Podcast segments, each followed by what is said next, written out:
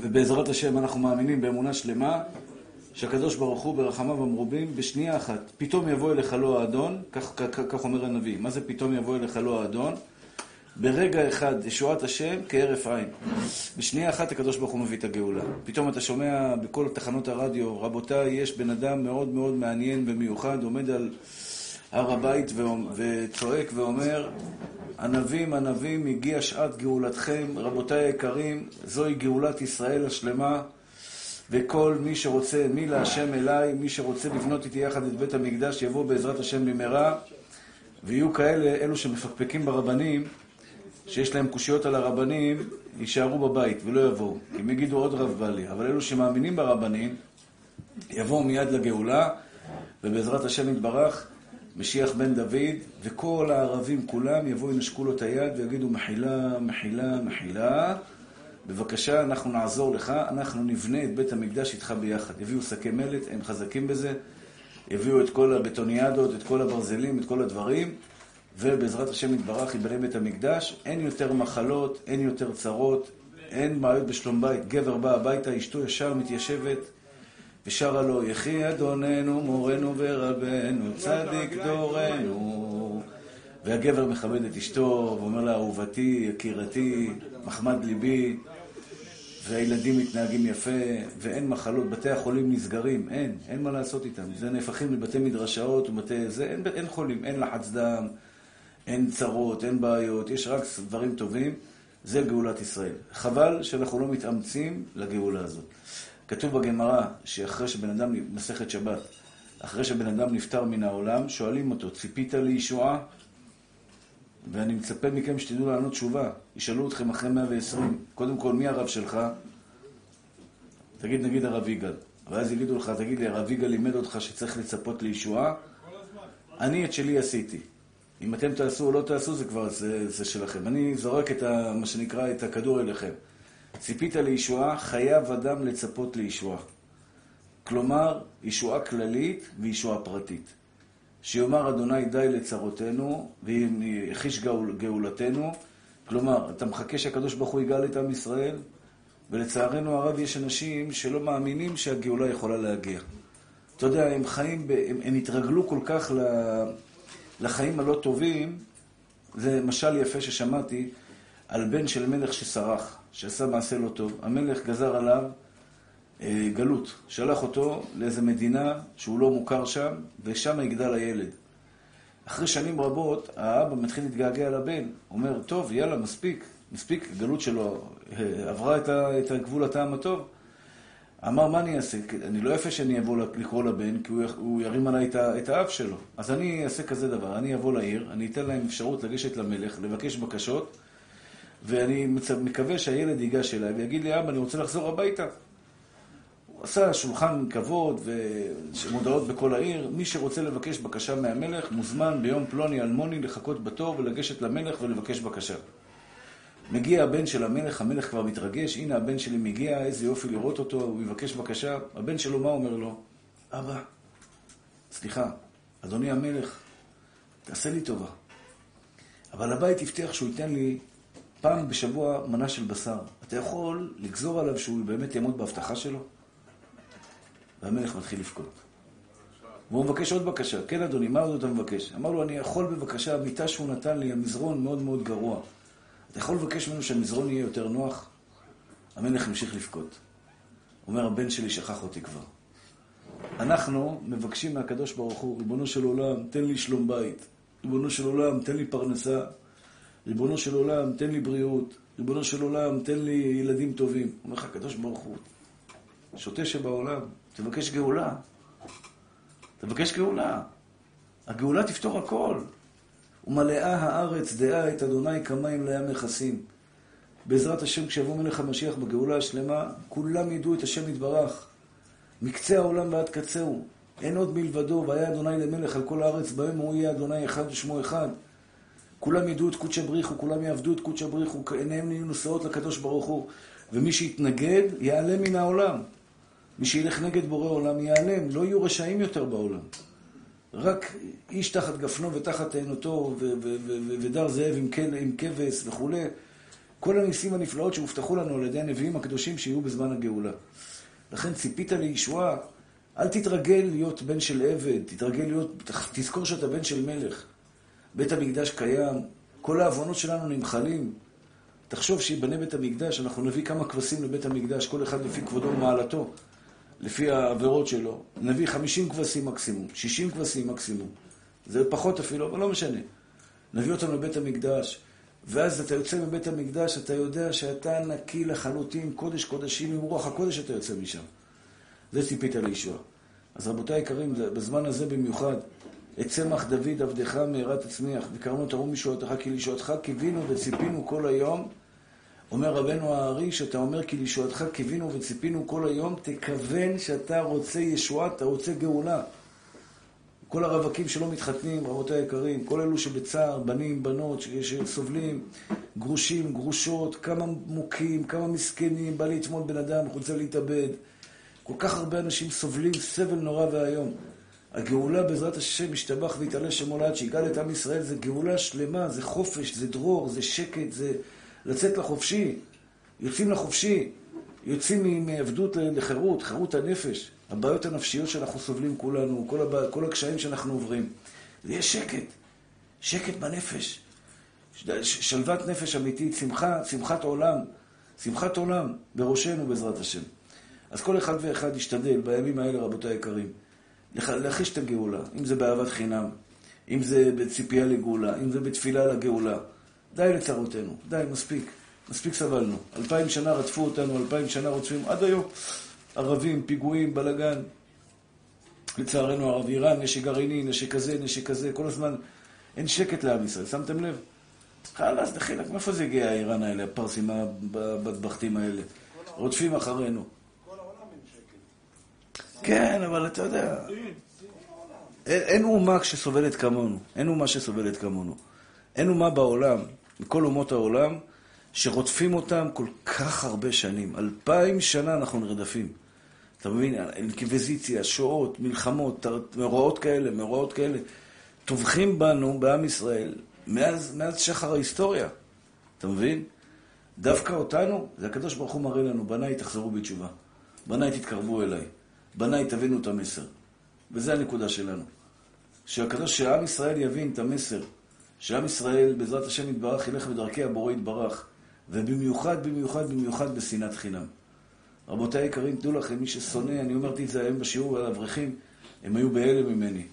אדם יכול להיות צדיק גמור, קדוש וטהור, מקווה שלוש פעמים ביום, קופץ תפילין כל היום, לומד תורה כל היום, אבל שנאת חינם, הוא לא צדיק, הוא רשע. הוא לא צדיק, אל תבקשו ממנו ברכות. אל תבקשו ממנו ברכות. מי שמדבר לשון הרע, מי ששונא שנאת חינם, מי שרב עם חברים שלו, מי שכל הזמן אינו צרה במישהו אחר, למה יש לו ולמה הוא קנה ולמה זה הביא יש לו ולמה זה הביא לו ולמה כך ולמה כך, לעולם הוא לא ייחשב בעיני השם יתברך צדיק. התורה של השם תורת אמת, אי אפשר לקיים חצי תורה. אם השם הוא האלוקים, תלך אחריו עד הסוף. אתה צדיק בהלכות שבת, אתה צדיק בהלכות, אה, אה, אה, בהלכות בשר וחלב, בהלכות נידה, בכל ההלכות כולם אתה צדיק, תהיה צדיק באהבת חינם. לא לשנוא יהודי. לא לשנוא גם מי שחולק עליך, גם מי שמצביע מפלגה אחרת ממך, גם מי שחושב בצורה אחרת ממך, תלמד עליו קו זכות. כי השנאה הרסה את בית המקדש. והיום זה טרנד להיות צדיק, להיות בבא, להיות מקובל. הרבה אנשים אומרים לי, הרב, תעשה הרבה כסף. תקנה, אה? תעשה הסבה להיות בבא, תשים איזה גלימה יפה, תעטוף את העיניים, סגור את העיניים.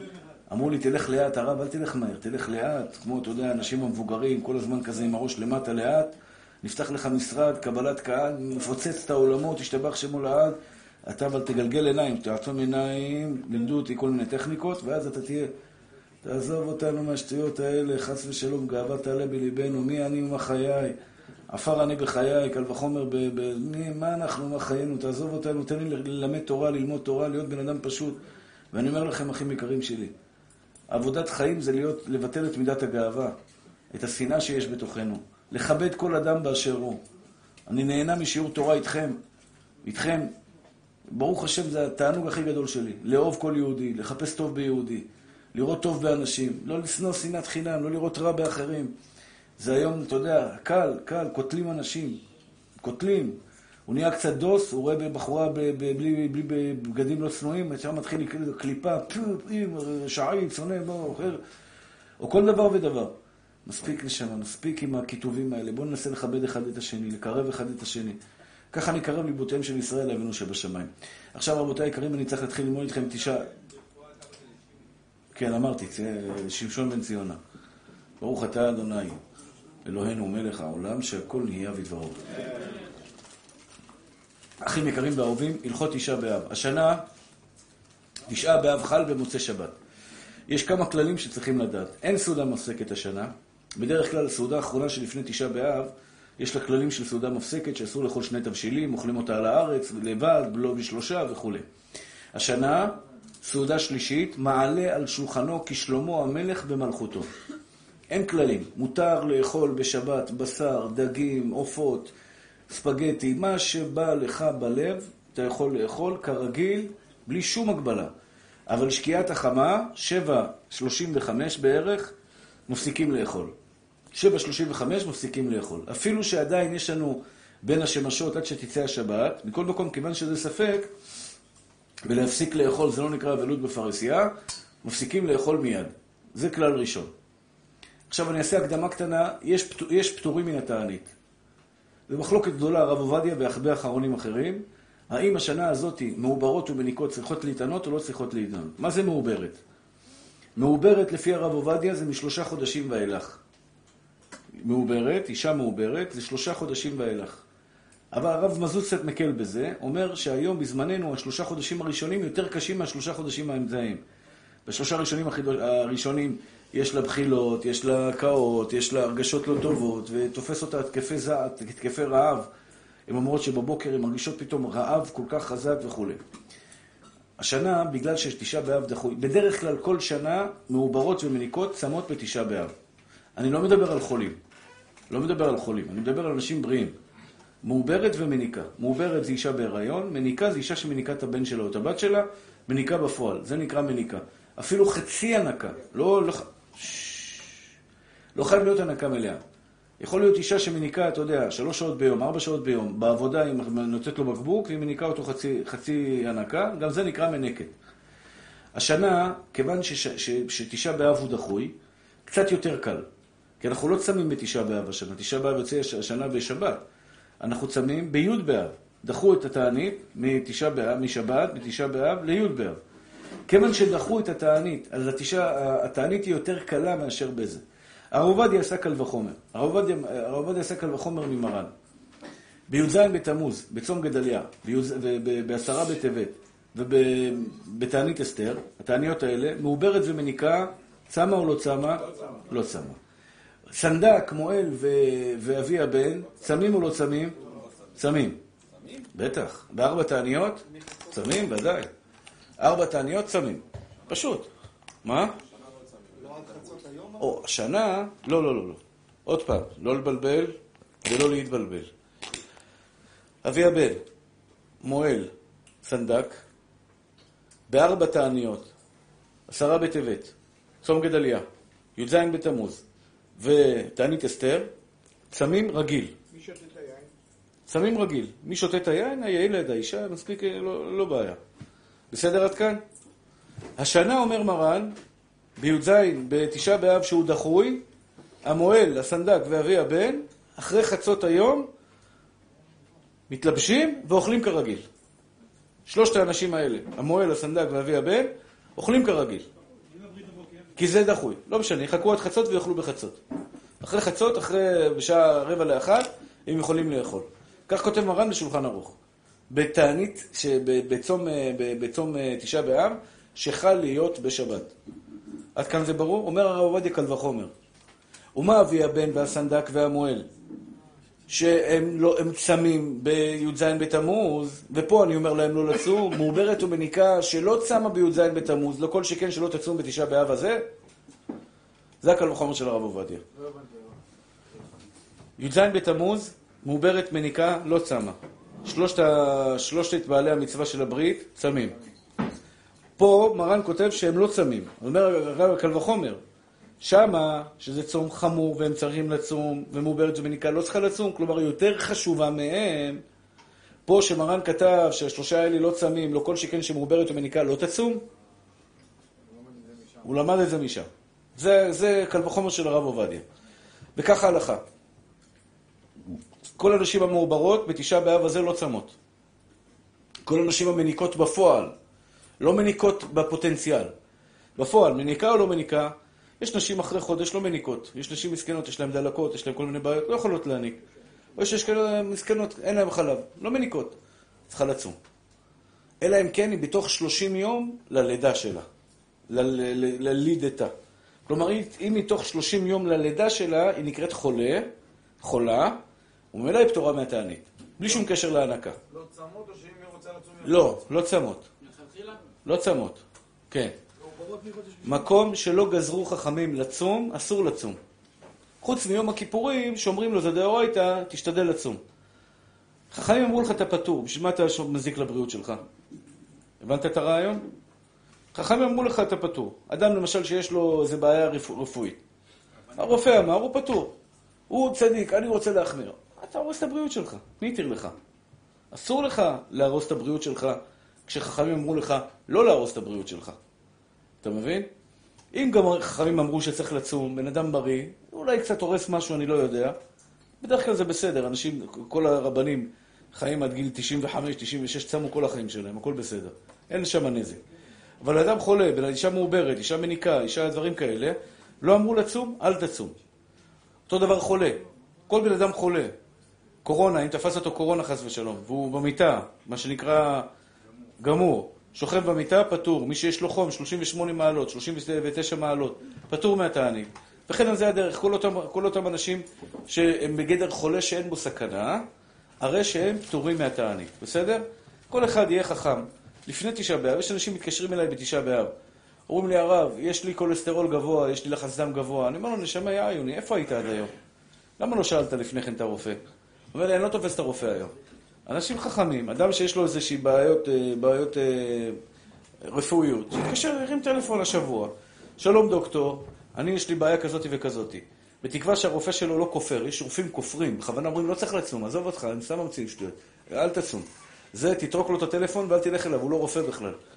זה, השתבח שמו לעזאזל, עליו נאמר, הטוב שברופאים לגיהנם. זה הטוב שברופאים לגיהנם. יש כאלה רופאים שחצנים, גאוותנים. אני ואני ואני, תן לו בעיטה, אין לו סייעתא דשמיא בליר הזה. אני אגיד לך לקחת אקמול, אל תאמין לו. אל תאמין לו. כל מה שהוא אומר לך, תעשה ההפך. זה סתם רופא בטבחט. אם הרופא לא דתי, אבל יש לו, אתה יודע, נקרא כבוד למסורת, קצת טיפה של רספקט, אה, של דרך ארץ, של כבוד, הוא אומר לך, תשמע, במחלה הזאת, לחץ דם גבוה, אתה יכול לצום, הכל בסדר. מה עם הכדורים? תדלג יום. או שתיקח בלי מים, או תיקח עם טיפה מים. בסדר, מתוקים שלי? זה לגבי הדין של חולה. הבנתם את הדין של חולה? יש למישהו שאלות לגבי חולה? יופי, אני שמח. אין לכם שאלות, אני ממשיך הלאה. עכשיו, אנחנו בתשעה באב, בעזרת השם, מעוברת ומניקה צריכה לצום או לא צריכה לצום? מה המסקנה? מעוברת ומניקה צריכה לצום? התשובה היא, לפי מרן רבנו עובדיה יוסף, מורנו ורבנו, מעוברת ומניקה לא צריכה לצום ויכולה לאכול כרגיל. או, האם יכולה לאכול במוצאי שבת כבר? לא צריכה לצום, למה לא להשתתף עם צער עם ישראל? משתתפים. שעה, שעתיים. כן, אני עוד לא עניתי, ממיר, אתה תוקף אותי עוד אה, לפני שעניתי, ממיר. אתה תוקף אותו. אה, אוקיי. כן. לא, לא, בסדר גמור. בסדר גמור. התשובה היא ככה, קודם כל, מי שרוצה לאכול בתשעה, זו שאלה מאוד יפה מה ששאלת, הזכרת לי. אסור לאכול אחרי, במוצאי שבת ללא הבדלה. מי שאוכל בתשעה באב בגלל שרופא הורה לו, או בגלל שהיא מעוברת או מניקה, חייב לעשות הבדלה במוצאי שבת. הבנת? לא יחכה ליום ראשון. יש שאלה בפוסקים, כף החיים אומר, נכון כמוך, אומר למה יאכל מוצאי שבת? עכשיו אכלת סעודה שלישית. מה, אתה לא יכול להתאפק עד הבוקר? וככה באמת צריך לנהוג. קצת להשתתף עם הציבור. אכל ארוחת, ארוחת, אכל בסעודת שבת בשר, סעודה שלישית אוכלים בשר כדי שיהיה כוח לצום, נכון? אוכלים משהו, אתה יודע, במיוחד שלא אכלנו שבוע בשר. מי שלא רגיל בבשר, מתגעגע לבשר. והדגים, משתבח שמולד כבר כמה אפשר דג וטונה וזה, ועוד דג ועוד דג. רוצה בשר, בשבת מרביצים, משתמר שם מולד כל הסעודות, כל הסעודות בשר. ומוצא שבת, בסדר, נגמר, עכשיו, הוא לא צם, מאיזושהי סיבה, חולה, שיהיה בריא. מעוברת, מניקה, לא משנה. אז מוצא שבת, מה, יפתח סעודה עוד פעם עכשיו? ישתבח שמו לכבוד דוד המלך, יפתח עוד פעם סעודה? ודאי שאסור. ודאי שאסור. מה זה אסור? זה לא ראוי, מותר לו, אי אפשר להגיד שזה אסור. ראוי להשתתף בצער הציבור, לפחות עד הבוקר לא יאכל. אלא אם כן, זה בן אדם ש... למשל, יש אנשים שעברו ניתוח, אה, ניתוח קיצור קיבה. ניתוח קיצור קיבה. בשנה הראשונה, הרבה מהם הרופאים ממליצים להם שלא יצומו. למה? הקיבה שלו קטנה, מסכן. הוא אוכל מעט, הוא נהיה שבע. הוא מקיא, מגיע לו לפה, הוא לא יכול יותר לאכול. עכשיו, הוא לא יכול לאכול לפני הצום הרבה. הוא נהיה רעב אחרי שלוש-ארבע שעות. הוא אומר לך, תשמע, אני ב-11 בלילה רעב, גובע, ורופא אמר שהוא צריך לאכול. אז יאכל, אין מה לעשות, בסדר. אבל חייב לעשות הבדלה, ולא רק חייב לעשות הבדלה. מי שיודע שהוא עומד לאכול בחורת בבוקר, צריך לעשות הבדלה כבר במוצאי שבת. הבנת? זה מחלוקת הרב עובדיה וכף החיים. כף החיים אומר, תעשה מתי שאתה צריך לאכול. מתי? אנחנו עושים הבדלה ביום ראשון, אתם יודעים. מי שצם עושה הבדלה ביום ראשון. יום ראשון בצאת הצום. כלום. רק נר, על הנר. מברכים על הנר. יום ראשון בלילה. יום ראשון בלילה. כן. מה זה בלי שום קשר לצום? בלי שום קשר לצום. הרב אדמו"רים בבני ברק אמר לי חכה חכה רגע אני צריך להוציא את זה ביום ראשון. לא, זה לא חל, כפרה עליך. לא, לא, הוא הוציא את ה... כן, יש כאלה, יש כאלה, אני יודע על מה אתה מדבר. כן, אליהו, איפה אתה מביא את הסיפורים שלך? הייתי אצלו בבית. בסדר. מה, הוא שומר שבת עד יום ראשון? עד יום שבת. הוא לא... יש, יש כאלה, יש, יש. זה משהו מוזר, אבל אל ת- אל תביא לנו סיפורים כאלה, אליהו. של הבדלת הסיגריה. סיגריה, כן. לא אל תביא את הסיפורים שלך. לא, לא. צודק, צודק. ככה, ככה, לא נבנה את המרוקאי זה. הזה נהנה מכל בואי. טוב. אבל אליהו, אתה, מרים לנו להנחתה לפעמים, ממי שלי. אתה מבין, אתה לפעמים יש כאלה דברים פיקנטיים שאתה גורם, אתה גורם לנו, אז בבקשה, ממי שלי. סיפורי נדבורנה ועליבאבא וחבריו, תשמור אותם לאחר כך. אנחנו עכשיו מרוכזים בנ- בנקודה מסוימת. לא שהאדמו"ר בנדבורנה, האדמו"ר נדבורנה הוא צדיק גדול, אבל כרגע זה לא הנושא שלנו. אני, אני חוזר עוד פעם, רבותיי. אדם שצריך לאכול בגלל שהוא לא מרגיש טוב חס ושלום, בגלל שיש לו בעיה רפואית, או אישה מעוברת או מניקה, שצריכים לאכול ביום תשעה באב. הוא אומר לך, בלילה אני לא אוכל, אני משבע, אין לי סיבה לאכול. אני ברוך השם מלא, מה אני צריך לאכול? כל הכבוד. אשריך ואשרי חלקך.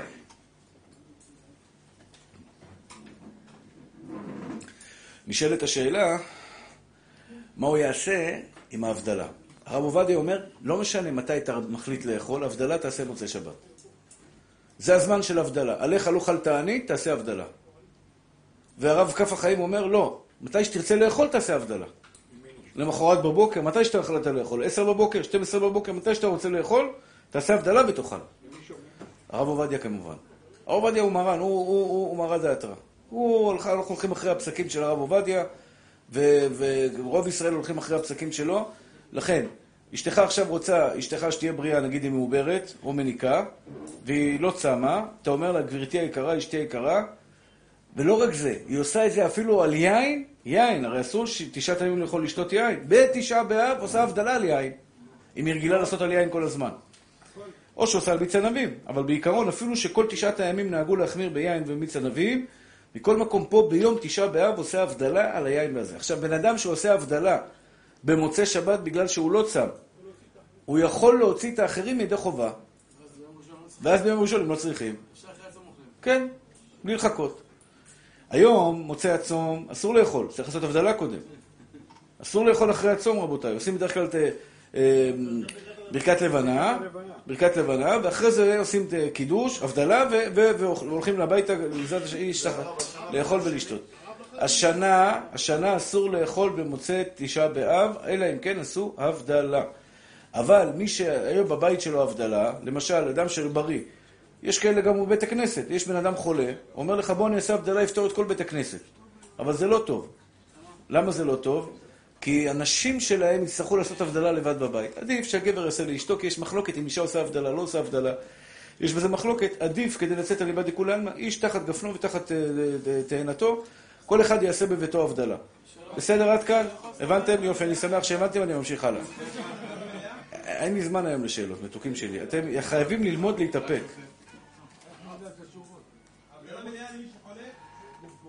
הבדלה מלאה בלי בסמים. בלי בסמים. לא לשמור רבנותם, לא צריך לשמור רבנותם, מה פתאום? מועד, קרא עליי מועד.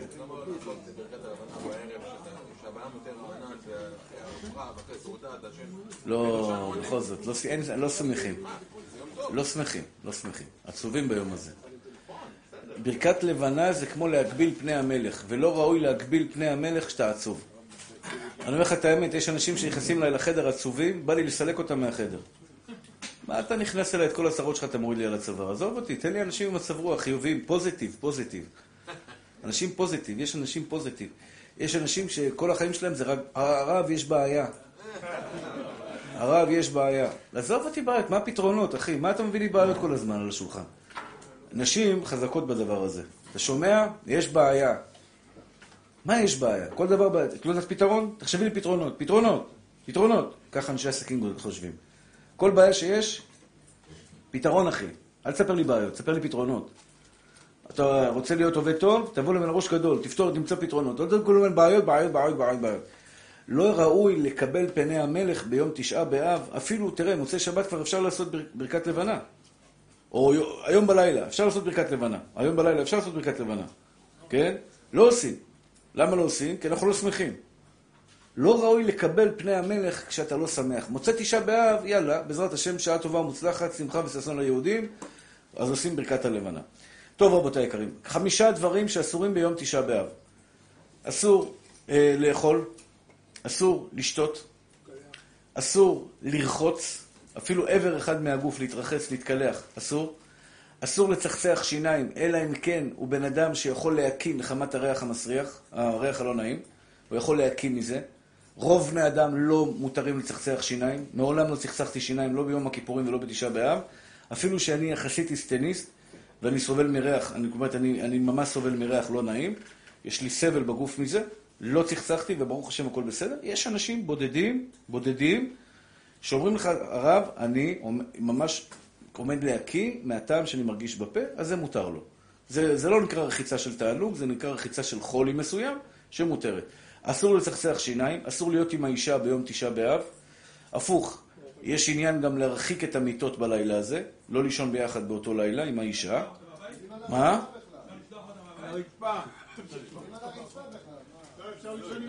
לא חובה לישון על הרצפה, הרב אורי. אתה מחמיר, אתה... נראה לי שאתה מחפש סיבה למסיבה, אתה ישן על הרצפה. אתה לא חייב לישון על הרצפה. נכון, זה כיף כזה לישון כל החבר'ה על הרצפה. ככה אתם נוהגים לישון על הרצפה, כל הכבוד. רגע, רגע,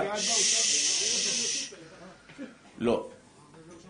מה זה מותר לנגוע? לא נגיעה של חיבה. נגיעה של נגיעה רגילה, להעביר מיד ליד או דברים כאלה, אבל לא, לא, לא מה שנקרא נגיעה של חיבה. אה, אז ככה רבותיי, אכילה, אכילה, שתייה, רחיצה, מיטה עם אישה ונעילת הסנדל. אסור לנעול נעליים מאור. אסור לנעול נעליים מאור. יום תשעה באב. נתחיל באכילה. אסור לאכול ולשתות שום דבר. אדם שצריך לקחת כדור ביום תשעה באב, לכתחילה ייקח אותו בלי מים. בלי מים. ישתה אותו בלי מים. אפשר לשתות כדור בלי מים. נשים, קשה להם מאוד לשתות מים, הם יכולים להקיא אותם, זה ממש, זה, זה לא עובר להם בגרון. אז יש אומרים שישתה את זה עם מים, מים מרים. למשל, יעשה תה חזק, חזק, חזק, חזק, חזק, בלי סוכר, ישתה אותו, זה מר, זה לא נקרא משהו שהוא ראוי לאכילה, זה לא דרך אכילה בכך, ישתה אותו, יעביר את הכדור. יש אומרים ככה, זה עושים ביום הכיפורים יותר. יום תשעה באב, מי שחייב לקחת כדור, חייב לקחת כדור, איזשהו כדור, לא משנה. דרך אגב, יש אנשים שיש להם, מסכנים בעיות פסיכולוגיות, חרדות, דיכאון, סובלים מהנפש שלהם, סכיזופרניה, כל מיני בעיות נפש שמאוד מאוד מציקות להם. אז גם הם, כדאי שישאלו רופא אם הם צריכים לצום או לא צריכים לצום. יש מקרים שפותרים אותם מהתענית, בתשעה באב, כן? אני אומר את זה במאמר מוסגר, כי יש אנשים שיגידו, רגע, הרב לא אמר על חולי שלנו, אז אני מודיע.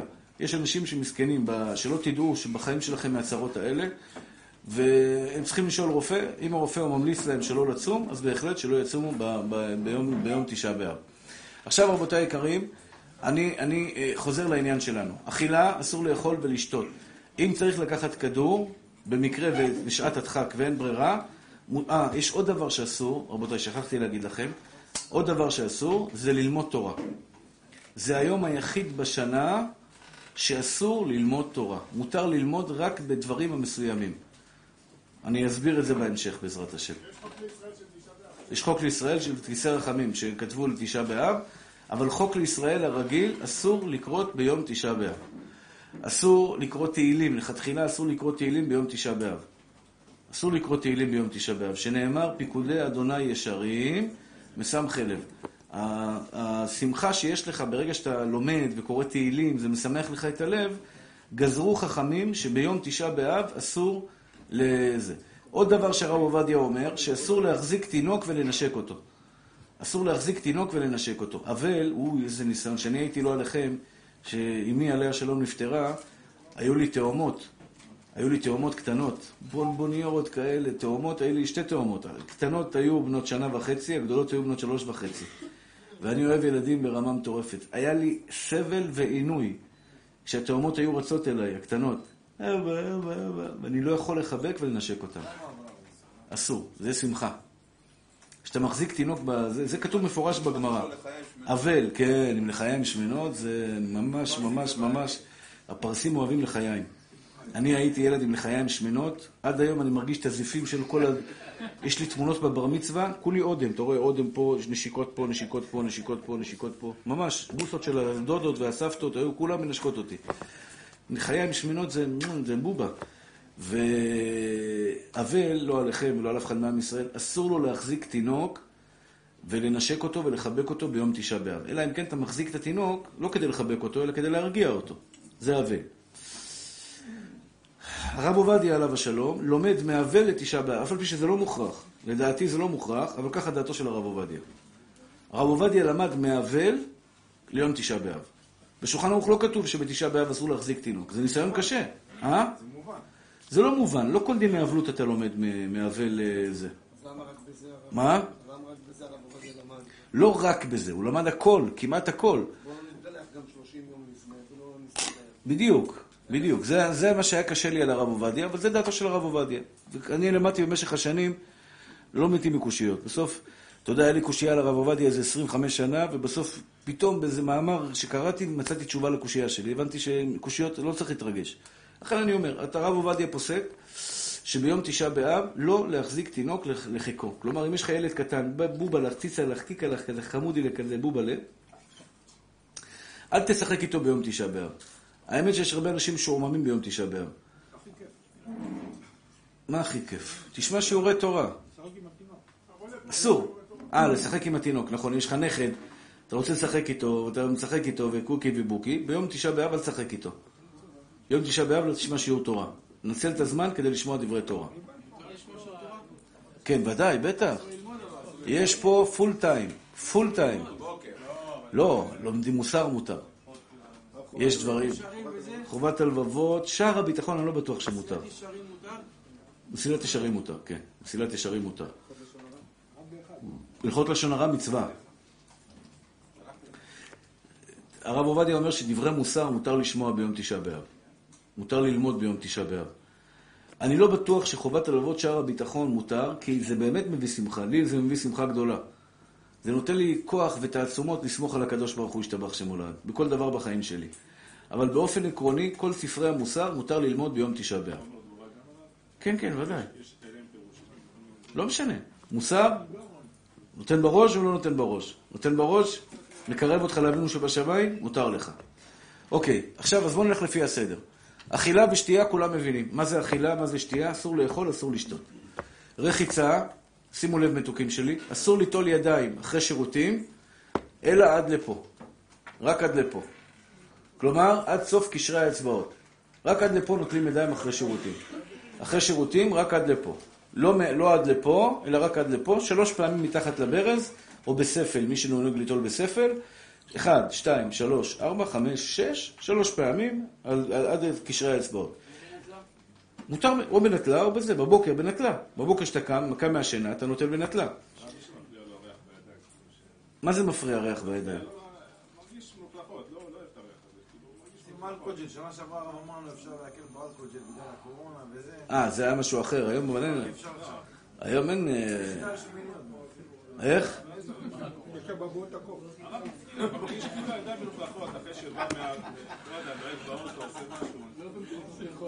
אה, איך? איך?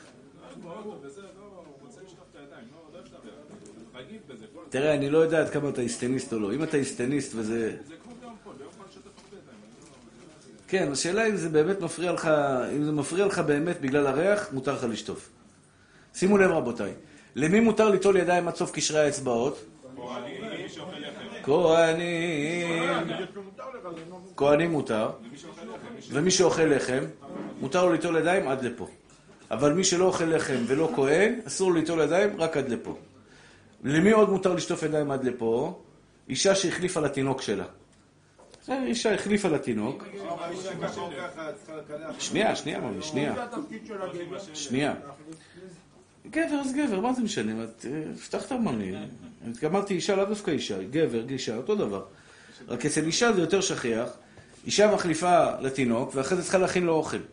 לא יעלה על הדעת שהיא לא תשטוף ידיה בסבון לפני שהיא מכינה אוכל לתינוק, או מכינה אוכל למשפחה. הידיים מטונפות, היא נגעה במקומות המכוסים, היא נגעה בצואה, היא נגעה בלכלוך, היא נגעה בכל מיני דברים לא, לא נעימים. במקרה שאדם מתלכלך באיזושהי צורה, מותר לרחוץ בתשעה באב. יותר מזה, אדם נפל עליו שק מלט. הלך ברחוב, נשפך עליו עכשיו שק מלט על הראש, מותר לו להתקלח עם שבון וסמפו בלי קונדישיונר.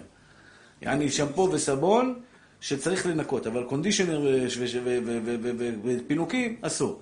אבל כל דבר, כל רחיצה, חוץ מכבודכם, אדם היה בשירותים, רוצה לשטוף את עצמו.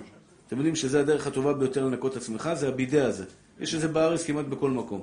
אני ממליץ לכם בחום לקנות כזה אחד הביתה. אני בכל הבית, בכל, בכל השירותים בבית, בכל, בכל מקום שאני נוסע לשבת, אני שואל, יש, אני, אני מבקש שיהיה לי כזה דבר, כי זה, זה, זה, זה ניקיון שלנו. מותר לשטוף את עצמך אחרי שירותים, כי זה לא שטיפה של תענוג, זה שטיפה של רחיצה. אוקיי? שטיפה של רחיצה מותרת ביום תשעה באב. מי שיתלכלך, מותר לו לשטוף ידיים. אותו דבר, אישה שמכינה אוכל, אישה שמכינה אוכל, מכינה אוכל עכשיו לילדים שלה, למשפחה שלה, ורוצה לשטוף את הפירות, הירקות, כל מיני דברים כאלה, מותר יהיה לה לשטוף את הפירות ואת הירקות. אני אגיד לגבי הקברים, אנשים עולים בתשעה באב, שוטפים את הקבר, עושים סבון, אקונומיקות על הקברים. אה, באמת? כן, אימא שלי עליה שלום יום תשעה באב, אני זוכר, מסכנה. עולה לבית העלמין. תראה, אי אפשר להגיד שזה אסור לעלות לבית העלמין, אבל לשטוף את הקבר, לשטוף את הקבר, אם לא נוגעים במים מותר. אם נוגעים במים, גם כן אפשר להקל בזה, כי זה לא באמת מתכוון לרחיצה. המרוקאים נהגו לשטוף את הבית, אה? לשטוף את הבית, ולמדתי, לא משנים מנהגים של מרוקאים. אם אתה רוצה להסתכן בנפשך, כן. אני בבית כנסת של מרוקאים נוהג כמו מרוקאים בור, דוך, למה אני יודע, אני זז ימינה-שמאלה, השתבח שמאלה, קמים עליי. יום אחד אה, הייתי בשבת חתן של מרוקאים, אז עשיתי קידוש. צברי מרנן, ברוך אתה אמוני, כולם, ברוך הוא, ברוך שמו. עכשיו הייתי צעיר, אז אה, אמרתי, רבותיי, אחרי סיימנו את הקידוש בזכרון שבת, רבותיי יקרים, לכתחילה לא כדאי לענות ברוך הוא ברוך שמו, וואו, וואו, וואו, וואו, וואו. איזה טעות שאני עשיתי שם, רבותיי יקרים. אתה, ובבא סאלי היה עומד ובבא זה, תראה איך הוא מבסוט, תראה איך הוא מבסוט. בקיצור, מאז הבנתי, שמור על חייך קודמים לחיי חברך, פיקוח נפש דוחה את כל התורה כולה. אל תתעסק במקומות שלא אמורים, אל תכניס את האף שלך במקומות שאתה לא אמור להכניס. אתה נמצא אצל מרוקאים, תנהג כמנהג המרוקאים, אל תזוז ימינה או שמאלה, אתה רוצה לשנות משהו? בקיצור. אה, לא משנה עכשיו, לא עכשיו. בקיצור, אז אה, נחזור לעניין שלנו. אכילה, שתייה, רחיצה. אסור להתרחץ, כמו שאמרתי לכם, ושיחה. אסור למרוח קרמים. קרם ידיים, קרם גוף, אלא אם כן זה קרם רפואי. מה זה קרם רפואי? אדם שיש לו פצעים. חס ושלום דלקת, חס ושלום בעיה אחרת, מותר לו לשים את הקרם על גבי הגוף שלו ביום תשעה באב. אבל סתם רחיצה, קרם פנים, נשים שיהיו בריאות, אוהבות קרם פנים, קרם ידיים, קרם גוף, כל מיני קרמים כאלה למיניהם. יום תשעה באב אסור לשפוך ולעשות קרמים ביום תשעה באב. כל דבר שיש בו תענוג של רחיצה או שיחה, בושם אסור. לדעת הרב עובדיה, לדעת הרב עובדיה, אסור לשים ולהריח בושם ביום תשעה באב. מה זה משנה? אתה הולך לפי הרב עובדיה, מה עכשיו לדעת מי כן? מה? דורדורנט אמרתי, אם זה למנוע ריח של זיעה, עוד פעם, למה צריך דורדורנט? אתה מתקלח בשבת, הרי כולנו מתקלחים בשבת. אז תשים דורדורנט מה? אה, ואתה לא יכול לשים דורדורנט. לפי הרב אסור לשים ספיצטי, תלוי איזה ספיצטי. הג'לי אסור. הג'לי אסור, כן. ציפורן אסור. לפי מרן, הרב עובדיה מוכיח מהשולחן ערוך שאסור להריח בסמים ביום תשעה באב. בכיפור מותר, נכון, אתה צודק, בכיפור מותר, ביום תשעה באב אסור. אני אגיד את זה לאט, כדי שתבינו מהר. אני חוזר עוד פעם. הרב עובדיה למד בדעת השולחן ערוך, הבית יוסף, שאסור להריח בסמים ביום תשעה באב. לכן, אסור לשים בושם ביום תשעה באב. כי לפי הרב עובדיה, כל פעם שאתה שם בושם, אתה צריך לברך ברוך אתה השם אלוקינו מלך העולם, בורא מיני בשמים. ואם לא ברכת, הרי אתה גזלני. אסור להריח. גזלן. מי שלא מברך על הבושם, לפי הרב עובדיה, הוא גזלן. אסור להריח. בושם, דורדור... לא דורדורנט, בושם. קוקו שנל, קוקו, לא סליחה, קוקו שנל של נשים. אני כל פעם קונה לאשתי קוקו שנל, זה הבושם היחיד שאני מכיר. אבל יש לגברים, במוס, במוס, אני יודע. עזרו, כשאני הייתי צעיר היה עזרו. אחד בא לי עם בושם עזרו, שם בושם עזרו. אני מריח ריח, אני אומר, בואנה, זה מזכיר לי את הילדות. ברוט, וואו, ברוט זה הזקנים. ברוט זה הזקנים. והוא שופך חצי קילו ברוט, אתה יודע, אפטר שב, איך קראו לזה? ברוט... אה, היה לזה שם. טבק, טבק, כן, אפטר שב טבק. הרב, אסור להריח בושם? כן. ואם ירדת במעלית והילדה שלך? אישה? שם מרחם, אתה נכנס למעלית עם אישה? אתה גר בקומת קרקע, מה אתה מבלבל את המוח? ואין לו מעלית בבניין בכלל. כן. טוב. בקיצור, אחים יקרים ואהובים שלי. בסדר. ההלכה, באמת, אני חוזר עוד פעם, זו הלכה שלא כולם יודעים אותה. אסור להריח בושם ביום תשעה באב. אפילו שהייתי אומר, קל וחומר מיום הכיפורים. יום הכיפורים מותר להריח בושם ומעשים בכל יום שמביאים בסמים לבית הכנסת כדי שיהיה כוח להתענות. ביום תשעה באב, שזה רק דרבנן, לא קל וחומר, לא כל שכן, שיהיה מותר להריח בושם. כמה שמלן, שאסור. אסור, טבק הרחה מותר. טבק הרחה מותר. אבל לשים, לשים, אה, לשים בושם, אפטר שב, לא אפטר שב, כן, אפטר שב, או מי קולון, או כל דבר כזה, או הדומה לו, אסור לעשות את זה ביום תשעה באב. להגיד שלום רגיל מותר? לא, לא אומרים שלום. אסור להגיד שלום, כן, צודק, נכון, טוב שהזכרת לי. אהלן, בוקר טוב, מה העניינים? היי, ביי, היי, כן. לא, לא, אסור להגיד שלום. אתה עונה בטלפון, שלום, לא עונים שלום. אני משתדל להגיד שלום. אה? אתה אומר הלו. אה, אה? אה. אתה מתקשר 50 פעם ביום, מה תגיד? כן, בויה. בקיצור, אז אה, אסור להגיד שלום ביום תשעה באב, זו עוד הלכה שצריך לדעת, אסור להגיד שלום ביום תשעה באב. אה, אז לגבי הבושם, לגבי דורדורן, אדם ש... קודם כל, כולנו נתרחץ ביום ש... בשבת כנראה. בשבת אסור להתרחץ מים חמים, ladies and gentlemen. ברור לכם, מתוקים שלי? יום שבת אסור להתרחץ במים חמים. מים קרים מותר. פושרים אפשר להקל גם כן. המים שאתה פותח מהברז הם קרים, הם חמים, כן. הטמפרטורה כל כך חמה היום, שהמים הקרים הם קצת חמים. אסור להתרחץ במים חמים. מה שהרב עובדיה כתב בחלק ו', מה שהרב עובדיה כתב בחלק ו', שמותר להיסטניסט להתקלח במים חמים, זה היסטניסט באמת ברמה של אה, גרדת בגוף. אבל בן אדם רגיל, נורמלי, יש, שתבינו, היסטניסט זה מחלת נפש. מי שאומר אני סטניסט, זה בעצם אומר אני חולה נפש. לא, לא חולה נפש, הכוונה היא, זה צריך, זה, זה, זה, זה שריטה, אחי. זה בן אדם ששוטף ידיים כל חמש דקות, זה בן אדם שרואה חיידקים. מישהו עושה אפצ'י בקצה של החדר, הוא נכנס להיסטריה, וואו, יואו, הוא עושה אפצ'י, אתה מבין? הוא, הוא, בדיוק, הוא לא נוגע בשירותים בידיעות, הוא לא נוגע במזוזות, הוא, בן אדם, מה שנקרא, פר, פרנואיד בקטע הזה. אחד כזה, מותר לו להתקלח בשבת במים חמים. אבל בן אדם רגיל, נורמלי, אתה יודע, מתקלח פעם ביום, כמו כל בן אדם רגיל, מתקלח פעם ביום, שוטף ידיים כשצריך לשטוף ידיים, בצורה נורמלית ונורמטיבית, אסור לו להתקלח מים חמים ביום שבת. אה, לפתוח את המים החמים? זה בעיה אחרת. זה בעיה אחרת. לפתוח מים חמים בשבת, שהוחמו על ידי דוד, דוד חשמל, זה בעיה נוספת חוץ מהמקלחת. אני מדבר אפילו מים חמים שהוחמו בדוד שמש, שהוחמו בדוד שמש, אסור להתרחץ במים חמים בשבת, גזירת הבלנים. אסור להתרחץ במים חמים בשבת. אני... גזירת הבלנים, שמי יבוא להרתיח מים בשבת. פחדו חכמים שהגבר יצעק לאשתו, אין מים! בשבת יתקלח, מה האישה תיבהל תעשה? וופ, תדליק את הדוד. או ההפך, האישה תצעק לו, אין מים, הגבר ייבהל, ילך להדליק את הדוד. זה יותר הגיוני, אתה אומר. לכן אמרו חכמים, אל תתקלח מים חמים בשבת. אני בטוח שכולכם ירצו להתקלח לפני תשעה באב. מה, לא להתקלח משישי עד יום מוצאי שבת זה סיוט, נכון? וואי, וואי, וואי. יש פעמים, אני עולה בחדר במעלית, עולה במעלית, אנשים לא התקלחו כמה ימים, מיום שישי לא מתקלחים? אה, הם לא מתקלחים?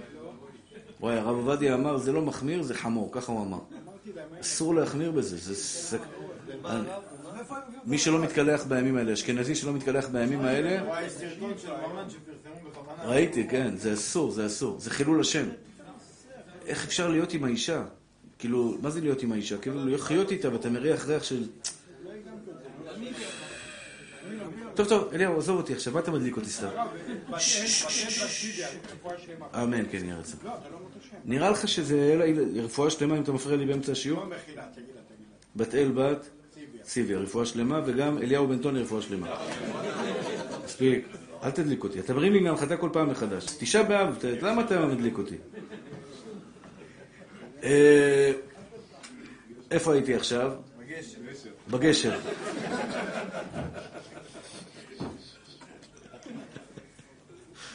אוקיי, תשעה באב, רבותיי. אצל האדמו"ר יש חניות לשוק תשמעו מתוקים שלי. תשמעו צדיקים שלי. יום תשעה באב, אז להתקלח. כולם מתקלחים, בעזרת השם יתברך, כדי שיהיה ריח נעים בבית הכנסת. כולם מתקלחים בערב, אה, בשבת. שבת קודש, מתקלחים במים קרים, להיזהר מכמה דברים. לא לסחוט שיער, לא לסחוט בגדים. מנקה אוזניים, מותר להשתמש אחרי מקלחת. במקלחת עצמה כדאי להשתמש בסבון נוזלי ולא בסבון אה, קשה. מי שמשתמש כל השנה בסבון קשה, במקלחת עצמה להתקלח בסבון נוזלי, שמפו רגיל, רק להיזהר לא לסחוט בגדים ולא לסחוט דברים כאלה בשבת קודש. אני, שואלים אותי אם לשים דורדורנט ב, ב, ביום תשעה באב מותר. התשובה היא, לשים דורדורנט לפני תשעה באב. למה להיכנס לתשעה באב ולשים דורדורנט?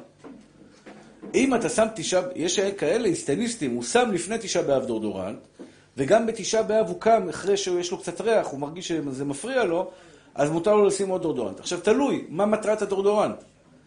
אם מטרת הדורדורנט, אם מטרת הדורדורנט זה להתפנק מהריח הטוב של הדורדורנט, אסור, כמו בושם. אם מטרת הדורדורנט היא לא להתפנק, אלא להסיר ריח רע, בית השחי הוא בן אדם שמזיע הרבה, בית השחי שלו מזיע, הוא רוצה לשים דורדורנט בבית השחי כדי שלא יהיה לו ריח בבית הכנסת וכדומה, מותר יהיה לשים דורדורנט גם ביום תשעה באב. הכל תלוי במטרת הדורדורנט. זה לגבי אכילה, לגבי שתייה, דיברנו, לגבי רחיצה, גם כן דיברנו. רחיצה של אה, תענוג אסור, רחיצה שהיא לא לתענוג, אלא רחיצה שהיא ניקיון, בעלמא מותר להתרחץ ביום תשעה באב. אסור, אה, אסור נעילת הסנדל. נעילת הסנדל, לא כמו שטעינו והיינו ילדים, שאסור ללבוש אה, חגורה מאור, כיפה מאור וחליפה מאור וחולצה מאור. זה שטויות והבלים. מותר הכל חוץ מנעליים שעשויות מאור. יש מחלוקת בפוסקים, בראשונים, האם מותר נעליים שעשויות מגומי, כמו נעליים שלנו. גזרו חכמים או לא גזרו חכמים. מרן פסק שלא גזרו חכמים על נעליים שעשויות מגומי. יש, תראו היום ברחוב, וזה משגע אותי הדבר הזה. אני, יש לי איזה שכן, שיהיה בריא, השם ישמור אותו. שהוא מחמיר בתשעה באב ללכת בלי נעליים בכלל. הוא הולך בלי גרביים. אתה הולך, אתה הולך ברחוב עם גרביים, בלי נעליים. בלי נעליים, אבל עם כל השכנים שלו, כולל בבניין שלו ובבניין ממול, הוא לא מדבר. הוא רב עם השכן הזה ועם השכן הזה ועם השכן הזה. הוא, היה לו נזילה מהבית שלו למטה, עשה לו נזק בספריות, עשה לו נזק, לא שילם לו את הנזק, כלום, לא רואה מסנטימטר בן אדם. אני חי לידו 15 שנה, פעם אחת לא אמר לי שלום. אין לי כלום איתו. פעם אחת לא אמר לי, אה, בוקר טוב, אה, מה נשמע, אה, משהו כזה, אחי, הוא אמר, כלום. אה? זה, זה, זה, לצערי הרב, זה המחלה של הדור. לא כולם, אבל המחלה של הדור, צדיק, אחי, צדיק, צדיק, צדיק, צדיק, דרך ארץ מינימלי בין אחד לחברו, בין אדם לחברו, בוקר טוב. מה, תגור לידי, אתה לא תגיד לי בוקר טוב? לא בגלל שאני הרב יגאל, סתם, שכנים. שכנים אחד לידך, בוקר טוב. אפילו לשכנות, שכנות, שמבוגרות ודברים כאלה שאני יודע שהם ייפגעו, בוקר טוב, אבל בוקר טוב אני מוריד את הראש וממשיך הלאה, לא בוקר טוב מדבר איתה. אבל אני יודע שהיא תיפגע אם אני לא אתייחס, אני אומר לה בוקר טוב וממשיך הלאה.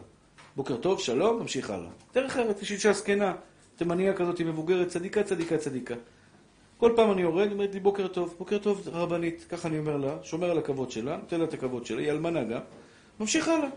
אתה מבין? קל וחומר לחבר, גבר, זה, תגיד בוקר טוב, זה, זה, זה, זה מינימום של...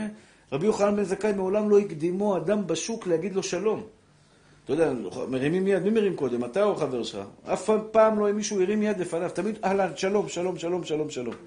אצלי זה בעיה, כי אני הולך ברחוב ועולה בן אדם. עכשיו, אני לא יודע אם הוא מכיר אותי או לא מכיר אותי. הוא מסתכל עליי, אני מסתכל עליו. עכשיו, יש פעמים, הוא אומר, אה, רבי יגאל. עכשיו, לא נעים לי, לא התייחסתי אליו לפני כן, אבל מה אני אעשה? אני לא... ואני אעשה ככה שלום לכל האנשים שישפזו אותי. תגיד שלום לכל אדם. אבל זה דרך ארץ להגיד שלום. חוץ מיום תשעה באב. מיום תשעה באב אסור להגיד שלום. גם לגוי הרב? מה? גם ל... אלא אם כן הוא ייפגע ברמה של... לא, בעבודה הם אומרים כאילו, לא, לא. תגיד לו אהלן. אדם. כן. יש לי עובד... לא, אפילו גוי הגמרא אומרת. אפילו גוי. בשוק מעולם לא הקדימני אדם בשוק ואפילו גוי. יש לנו עובדים ערבים באתר, בבניין, ותאמין לי, זה קידוש השם. אהלן, אבו חליל, אהלן זה, אהלן, אחמד, אחמד זה, זה, אהלן. אהלן, כבוד הרב, אני רואה סרטונים שלך בפייסבוק, אני... והוא בא אליי, והוא רוצה לשמוע דברי תורה, וזה לקדש שם שמיים. זה נקרא לקדש שם שמיים. להישאר בכולל בסוף. כן, הוא בא, אומר, תלמד אותי תורה. הוא בא לאברכים, רוצה לשמוע דברי תורה. אתה יודע, זה שיהיה שם שמיים נאהב על ידך. יראו אותך מתנהג יפה, מכבד כל אדם, ויסתכלו עליך בצורה מכובדת, יאהבו אותך. יגידו, אשרי אלוהיו ואשרי חלקו ואשרי אלוקים שלו, שהוא יודע ככה לחנך את, את, את, את, את העבדים שלו. אז זה לגבי זה. נעליים, רבותיי היקרים. יש מחלוקת בפוסקים, האם מותר נעליים או אסור נעליים. מרן פסק שמותר נעליים שלא עשויות מאור. השאלה היא ככה, האם מותר נעליים, למשל קרוקס, קרוקס, נעלי קרוקס, מותר ללבוש נעלי קרוקס או אסור ללבוש נעלי קרוקס? כי יש כאלה אומרים, קרוקס יותר נוח מנעליים רגילות. המנתחים, המנתחים היום, אלו שעומדים על הרגליים, עומדים על הרגליים הרבה, כל הרופאים בבתי חולים, אתה רואה אותם עם קרוקס. אתה שואל אותו למה אתה לובש קרוקס? הוא אומר, זה הכי נוח. זה הכי נוח. אז מה עשינו? החלפנו פרה בחמור? אני אומר לך, תוריד את הנעלי עור, תשים נעלי קרוקס וקרוקס יותר נוח.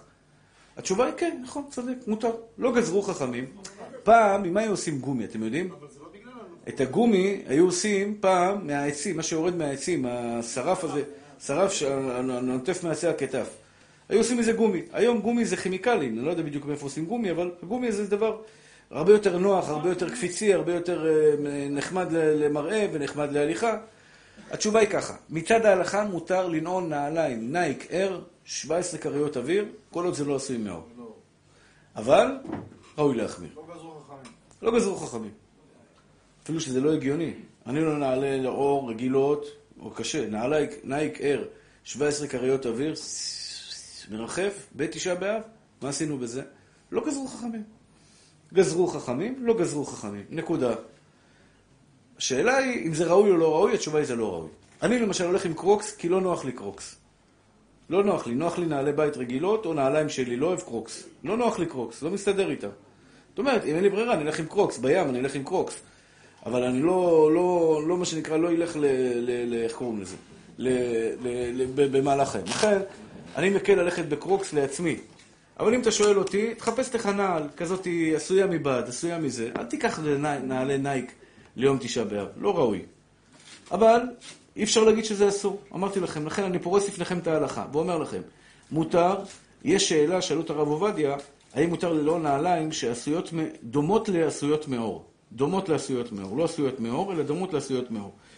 אתם יודעים שהיום מוכרים לך נעליים, אתה הולך לחנויות של נעליים, הוא אומר לך נעליים, נעל איטלקית, 100% אור, השתבח שמו לעד, וזה הכל in China, וזה זה פולי, זה, זה עשוי מפלסטיק. סליחה. בהלכה, הלכה למעשה, האם מותר ללבוש נעלי דמוי אור או אסור? הילדות שלי שואלות אותי כל תשעה, כל תשעה באב ויום הכיפורים. אבא, יש לי נעליים כאלה וכאלה, זה בדיוק מתאים לי לשמלה שלי, אני יכולה ללבוש אותם או ללבוש אותם. עכשיו אני מסתכל עליהם, אני שואל אותה, זה אור או לא אור? אני לא יודע אם זה אור, אני לא מבין בזה. אומרת לי, אבא, זה עלה 20 שקל, איך יכול להיות זה מאור? זה לא נראה, זה, זה נראה פלסטי. אבל יש בזה גזירת מראית העין או אין בזה גזירת מראית העין? התשובה היא, אין בזה גזירת מראית העין. מותר ללכת ביום הכיפורים בנעליים שעשויות מדמוי אור. וגם בזה המחמיר תבוא עליו ברכה. גם בזה המחמיר תבוא עליו ברכה. זה לגבי אה, לימוד תורה. להיות עם האישה, כמו שאמרתי, אסור להיות עם האישה בלי, ב, ביום תשעה באב. אה, כדאי להחמיר, כדאי להחמיר, אה, לא, לא לנהוג מנהגי קרבה ביום תשעה באב, לא לישון ביחד באותה מיטה. כי אם הוא ישן איתה ביחד באותה מיטה, הוא יכול לבוא לידי קירוב, ויכול לבוא חס ושלום לידי מעשה אסור. זה לגבי העניין הזה. איזה עוד דבר יש לנו? לימוד תורה. אמרתי לכם שאסור ללמוד תורה ביום תשעה באב. לא, חיבוק של אהבה אסור. נגיעה רגילה מותר, חיבוק של אהבה אסור. אה?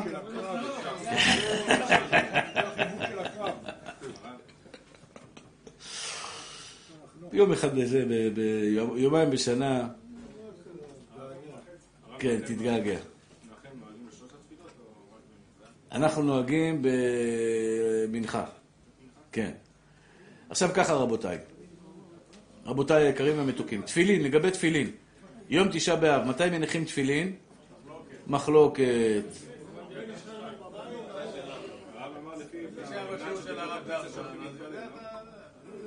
יפה מאוד.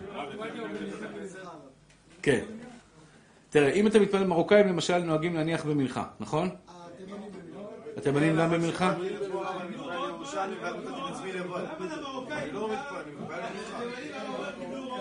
עובדיה?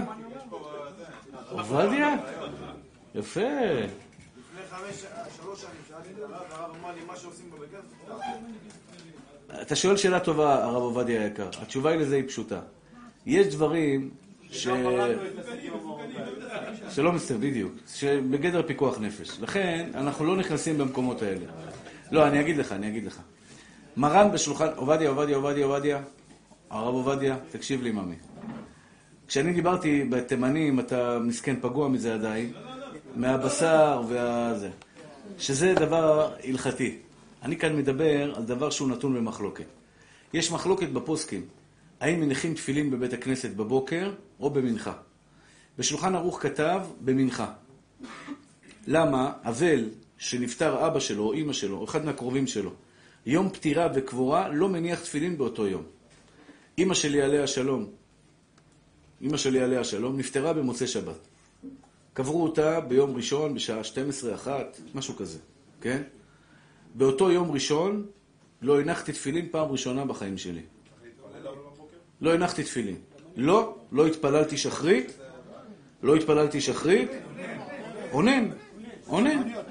אבל לא בגלל אונן, כי היא נקברה בשעה אחת, יכולתי להניח תפילין אחר כך. אלא יום ראשון של קבורה ומיתה, שזה אותו יום, לא מניח תפילין. פארך חבוש עליך, אומרת הגמרא, חבוש עליך ולא על אחרים. אם היא הייתה נפטרת בשבת ונקברת ביום ראשון, הייתי צריך להניח תפילין בלי ברכה ביום ראשון. אבל בלי ברכה. אבל כיוון שהיא נפטרה ונקברה באותו יום ראשון, אין תפילין, לא מניחים תפילין באותו יום. הבנתם מתוק? לא הנחתי תפילין. אני אבל... לא, אני גם הנחתי, אבל היה בשבת היא במידה וזה קורה במקרה שבת, יש הבדל שלי, לא? כן. גם עדיין בלי ברכה. בלי ברכה. ולהניח בלי ברכה. רגע, אתם הבנתם את זה? אבל יום הקבורה ויום הפטירה, שלא תצטרכו את זה בחיים שלכם, אבל צריך לדעת, אם אבא, אמא, בן, בת, אח, אחות ואשתו, חס ושלום, אחד מהשבעה קרובים, נפטר ביום, באותו יום ונקבר באותו יום, אבא שלי למשל, אבא שלי, הנחתי תפילין באותו יום, הוא נפטר יום שישי. יום שישי הוא נפטר, בשעה 12 הוא נפטר, בשלוש קברנו אותו, ארבע קברנו אותו, הנחתי כבר תפילין, התפללתי תפילת שחית כרגיל. אז הרווחתי שאצל אבא שלי כן הנחתי תפילין. הבנתם? אבל אם, אם הוא היה חלילה נפטר לפני שהייתי מתפלל, והיו מרימים לי טלפון, בלי שכל, זה לא טוב. למשל, אם אבא נפטר בשעה שמונה, אל תתקשר לאחים בשעה שמונה, תגיד שהוא נפטר.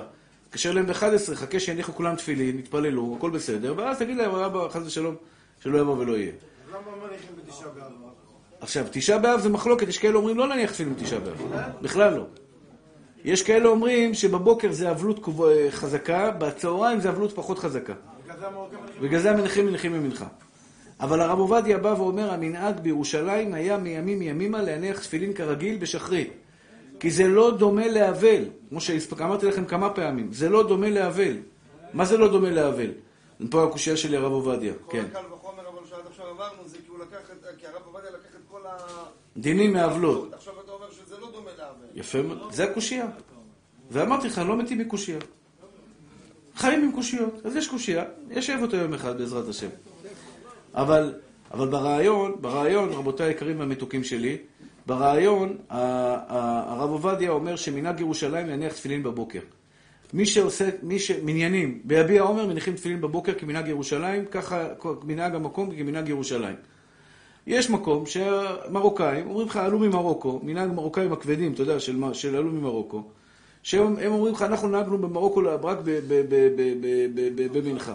אל תבוא להם בתוך בית הכנסת שלהם עם תפילין על הראש ותגיד להם, אין בעינק יעני, כאילו אני זה. כאילו זה לא יפה, אתה רואה שפה לא מניחים תפילין, מה אתה בא להם עם תפילין באמצע התפילה? אבל אם זה מנהג שחצי מרוקאים, חצי טריפוליטאים, חצי ירושלמים, חצי זה, חצי זה, חצי זה, וחצי עושה ככה, חצי עושה ככה, תניח תפילין בבוקר, בבוקר, כמנהג ירושלים. בכלל, ארץ ישראל עדיף שינהגו כמנהג ירושלים. אם ישמעו לנו, אם לא ישמעו לנו, אין לנו כוח, אבל אם ישמעו לך, הבנת הרב עובדיה היקר? אם ישמעו לך, תעשה כמנהג. אם התימנים נהוגים למשל, אתה מתפלל עם תימנים, זה לא דבר הלכתי. בין אם הנחת בבוקר, בין אם הנחת בצהריים, יצאת ידי חובה. בבוקר כרב עובדיה, הרב עובדיה, ברוך השם, יש לו כוח, השפיע, השפיע על כל העם. במנחה מניחים? בקיצור, אם אתם שואלים אותי מתי להניח תפילין, התשובה היא תניחו בבוקר. הבנתם מתוקים שלי? אלא אם כן בתוך בית הכנסת שלכם, אף אחד, כולם מתפללים בלי תפילין, ורק אתה בא עם תפילין, זה לא יפה. יש בזה יש מושג שלא תתגודדו, אל תעשו אגודות אגודות, אל תבוא מוזר. זה כמו שבן אדם בא לרב, ליד הרב מזוז, כולו לבן בשבת. יש בזה יוהרה. יוהרה. אסור לנהוג ליד תלמידי חכמים חומרות. יש אחד בא עם גרטל, מתפלל ספרדי עם גרטל ליד הרב מזוז. זה לא ראוי, מה אתה בא, עושה חומרות ליד הרב? הגמרא אומרת על רבי יהודה הנשיא, שהלך יום אחד מישהו לידו ועשה חומרה לידו, הוא רצה לנדות אותו. הוא רצה לנדות אותו. הוא עשה איזה חומרה, לא ניכנס כרגע לחומרה, זה בבא קמא שם, בק"י. הוא עשה חומרה מסוימת באמצע הדרך, נהג חומרה מסוימת, שרבי יהודה הנשיא לא נהג אותה, הוא רצה לנדות אותו במקום. אה? לא, זה לא בישיבה, זה בבית הכנסת. הוא בא ליד הרב מזוז להתפלל עם גרטל, כמו החסידים. עכשיו, זו חומרה יפה, אבל לא ראוי... לא, אין בעיה, אין בעיה. כל אחד עם גרטל, הכל בסדר לשמה. אתה לובש לבן בשבת. יש צדיקים המקובלים שנוהגים לפי הקבלה, לובשים לבן בשבת. לידו אל תתלבש ככה. אל תלך ליד רב ותעשה לידו איזה הנהגה של חומרה, כי אתה, זה יוהרה, אתה, אתה, אתה כביכול... אל תבוא לבית כנסת שלו. לא ליד רב גדול. מה אתה? יש אנשים שמחמירים ליד רב גדול. תדע לך, אני אגיד לך דבר שלמדתי במשך החיים. אני פעם הייתי מחמיר גדול.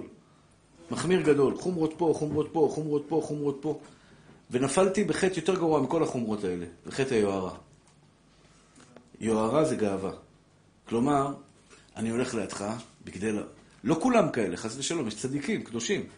אבל דיר באלק, תיזהר, ללכת בלבן בשבת, כמו המקובלים, שזה דבר יפה. ולריב עם אבא שלך. ואחרי זה אתה מסתכל, אתה מסתכל על, על, על בן אדם, אתה אומר, אה, איזה קליפה זה, ראית? איך הוא מתלבש? מה, הוא לא יודע שצריך לבן ככה? מי שקיבל על עצמו חליפה, בא אליי למה אני עם חולצה עם שרמולת פה. אני חם לי, מה אתה רוצה מהחיים שלי? לא יכול. כל שבת נופלים עליי. לא. בסוף אתה נותן להם דברי תורה כל וכולם מי. שקיבל על עצמו חליפה לפני שבוע. הרב, בסוף אופי אומר... לפני שבוע היה כמוך בדיוק. כן. קצר? כן, כן. בסוף אופי נותן להם שיר תורה וכולם יושבים. כן. זה כמו הבעלי תשובה, חזרו בתשובה לפני שבועיים, הוא פתאום רואה איזה בחורה לא צנועה, פי, קליפה, שיקצה גוואלד. לפני שבוע היה רודף אחריהם, היה מחבק באותם, אוהב אותם, מקרבן, לתורה ולמצוות ומעשים טובים. פתאום נהיו קליפות. נשמה, לא, תירגע, לאט לאט, לאט לאט, בלי, לא, לא מתעדתים. מת- צריך לקרב, עוד פעם. אבל לא בדרך, לא בזה, אל תתקן את העולם. אדרבה, תקבל כל אחד בעזרת השם, כמו שהוא. טוב, הזמן שלנו אוזל ו... צדוק נער, רוני בן אדם, רפואה שלמה. אחי, הבדלה יום ראשון, עושים הבדלה ביום ראשון, בעזרת השם, מוצא, מוצא, מוצא, מוצא תשעה באב, עושים יין, לא בלי נר. אה, שכחתי להגיד לכם, נר עושים במוצאי שבת בבית הכנסת, לפני קריאת מגילת איכה, מדליקים נר ומברכים אשר קידשנו בורא מאורי האש. ונשים מברכות בבית בורא מאורי האש. הבנתם מתוקים שלי? נר מדליקים בבית הכנסת, כדי, כי אסור ליהנות מה, מהאור. אסור ליהנות מהאור בלי, בלי מה שנקרא, אה, בלי לברך מאורי האש, שזה תקנת חכמים, לברך מאורי האש כדי ליהנות מהאור, ולכן אסור לברך בלי, בלי מאורי האש, אז נהגו לברך ברוך אתה השם אלוקינו מלך העולם, בורא מאורי האש בבית הכנסת. כן. כן כן. כן, כן, אם הוא לא צם. כן. אה, נכון, היא רעבה מסכנה, היא רוצה לאכול. היא עושה הבדלה, ברוך אתה השם אלוקינו מלך העולם בורא פרי הגפן, ברוך אתה השם אלוקינו מלך העולם מבדיל מקודש לחול ומאור שלו, ברוך אתה השם, מבדיל מקודש לחול. ביום ראשון אנחנו עושים לא נר, לא נר, לא, לא. יין והמבדיל, זהו. יין והמבדיל. מה? מה זה כל אחת? האמא תעשה לכולם.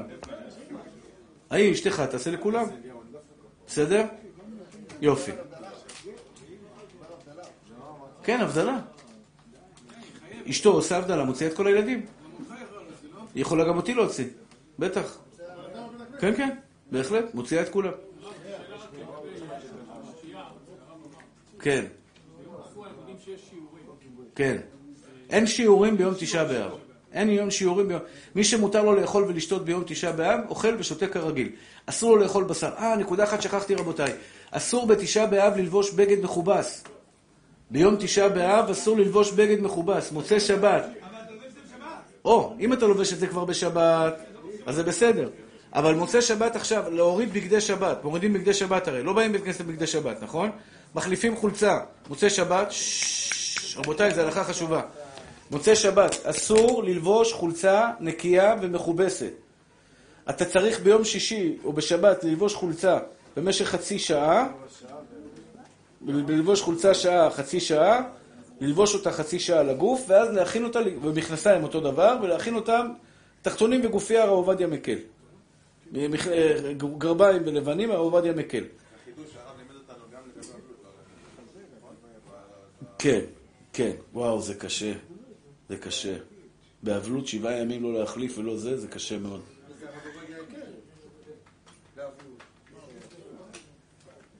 כן, הרב עובדיה יקל בזה. טוב, רבותיי היקרים.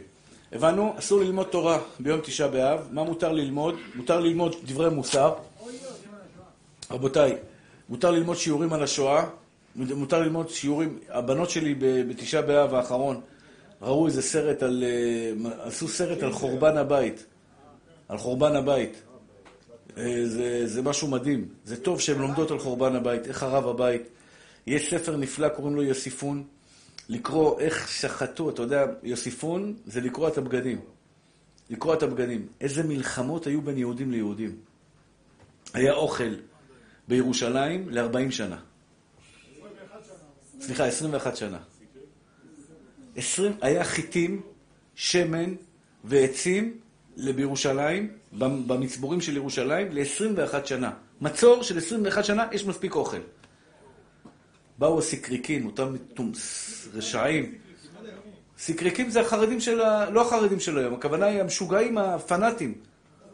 הפנאטים האלה של היום. לא, לא, חס ושלום, אני לא רוצה להגיד ניקולטורי קרתא, חס ושלום. אני אומר על כל האנשים, גם היום יש את הקיצונים, קיצונים. הקיצוני, שאומר בוא נעזה ונרצח וזה ונהרוג ונשחוט ו... שרפו את כל הזה. ואתה בא לך לקרוע את הבגדים שלך ולהגיד, חרבה ירושלים, תראה, לא הם הרסו את ירושלים, אנחנו הרסנו את ירושלים. אנחנו, אנחנו, בשנאה המטורפת הזאת. מה זה קיצוניות? כל הקיצונים האלה למיניהם. יוסיפון.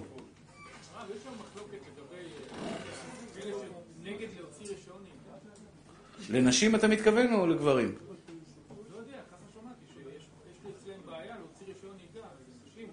לא, עוד פעם, ניטור, חס ושלום, ניטורי קרתא זה לא סיקריקים, חס ושלום. ניטורי קרתא הם לא סיקריקים, הם לא, חס ושלום, זה לא, זה לא סיקריקים של פעם. אסור חס ושלום להכניס אותם בגדר, בגדר הזה. יש מחלוקת אם נשים יכולות להוצאות רישיון או לא. כל, כל אחד יעשה שאלת רב. חס, חוסר צניעות. היא נוהגת בכביש, היא יכולה. יש טוענים ככה, אני לא טוען ככה, יש טוענים ככה. אחים יקרים הלכות לשון הרע. בעבור שנאת חינם נכבה רב הבית. מה התרופה הכי חזקה ללשון הרע? סתום את הפה. לא. אי אפשר לסתום את הפה. אני יכול להגיד לך תסתום את הפה, אתה תקשיב לי? לא, לסתום את הפה. אתה יכול לסתום את הפה? כמה שנים הרב אומר לו לסתום? אתה לא יכול. חבל לך על הזמן. גם אתה לא יכול, אני... לא מלכלכים עליך.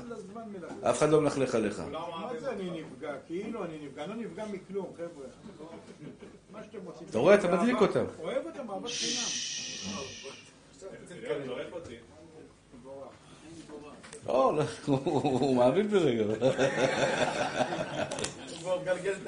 די. אליהו, אתה מדליק אותה, אתה מדליק אותי. די, נשמה, אני אוהב אותך אהבת אמת, נשמה שלי. אתה הכרטיס שלי, אתה המתוק שלי, אתה הכרטיס שלי לכל הכניסת לזה. לגן עדן. תשמעו צדיקים שלי.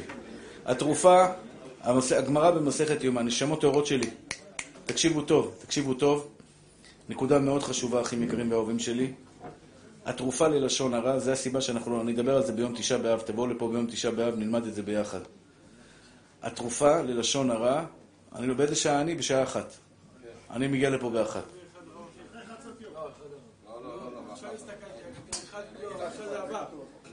אחת, כן, אחת. כל שנה זה ככה, זה לא משתנה.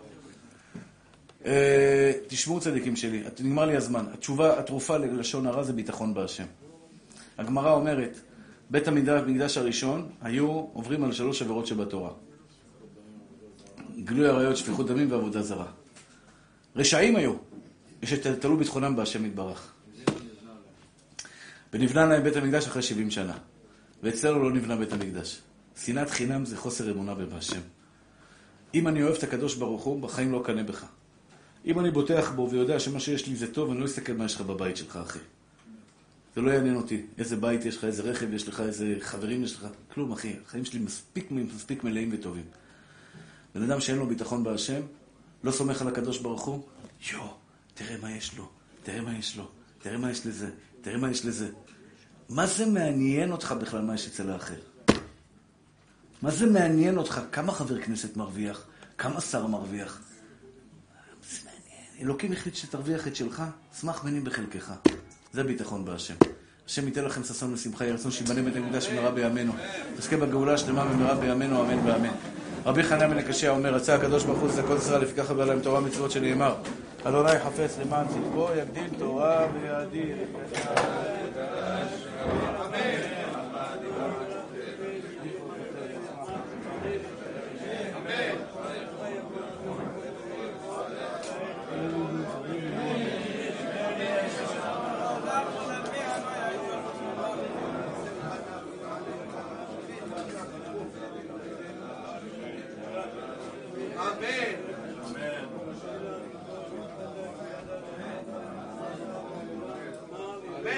על ישראל, ועל רבנן, ועל תלמידון, ועל כל תלמידי להשכיל קומנטר לדשתה, דהי ועדה דהי וקו תודה.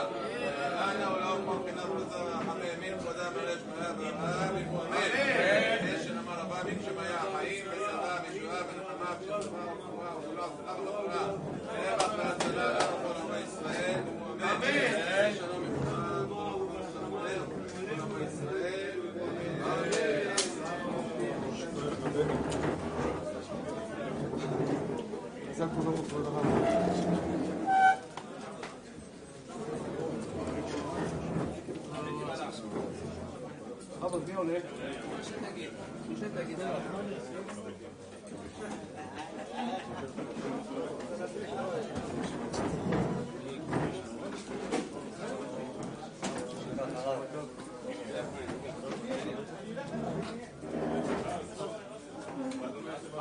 אחד המפקדים בתחנה תמיד אומר, אין בעיות, יש לך בעיה, רואה זיכרון, תגיד לי מה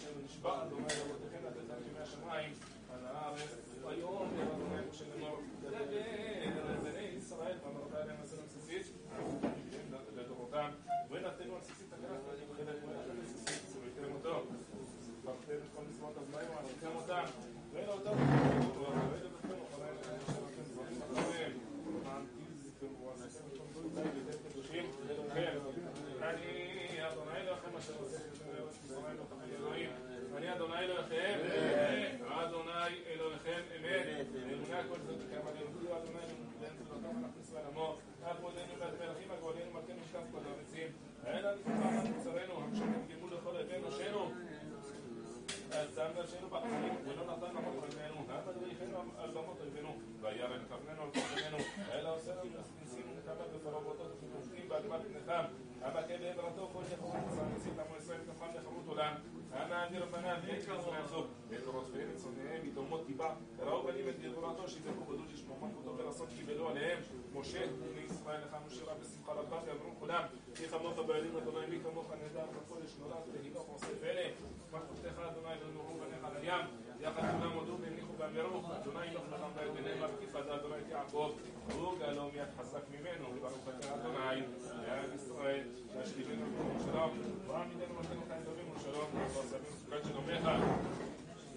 ותקננו מלכנו בצער טובה מלפניך וישנו מהרה למען שלנו.